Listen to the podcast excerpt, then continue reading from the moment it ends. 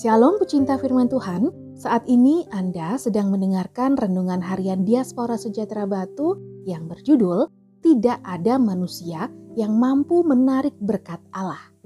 Bacaannya diambil dari Kejadian 28 ayat 10 sampai 15. Mimpi Yakub di Betel. Maka Yakub berangkat dari Berseba dan pergi ke Haran.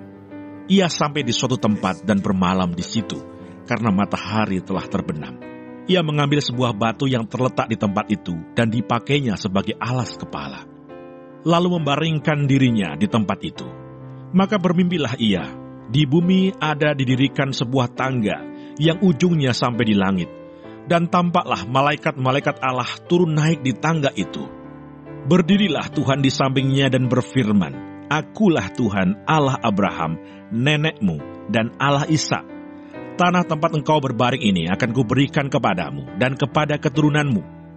Keturunanmu akan menjadi seperti debu tanah banyaknya, dan engkau akan mengembang ke sebelah timur, barat, utara, dan selatan, dan olehmu serta keturunanmu semua kaum di muka bumi akan mendapat berkat. Sesungguhnya aku menyertai engkau, dan aku akan melindungi engkau ke mana pun engkau pergi, dan aku akan membawa engkau kembali ke negeri ini, sebab aku tidak akan meninggalkan engkau melainkan tetap melakukan apa yang kujanjikan kepadamu.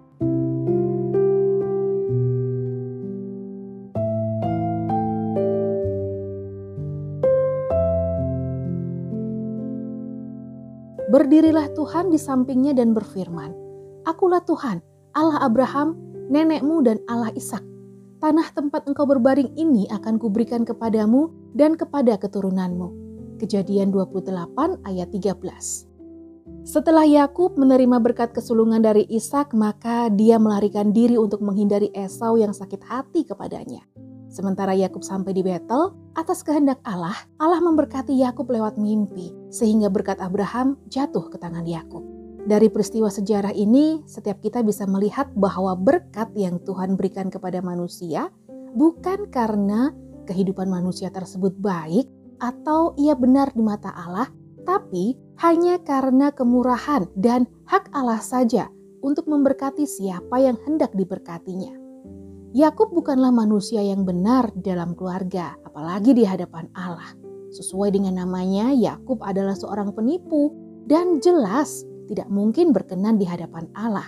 Akan tetapi jika dia sampai menerima berkat Abraham, itu semata-mata karena kemurahan Allah dan tidak ada faktor lain dalam diri Yakub yang bisa dipertimbangkan untuk menarik berkat Tuhan.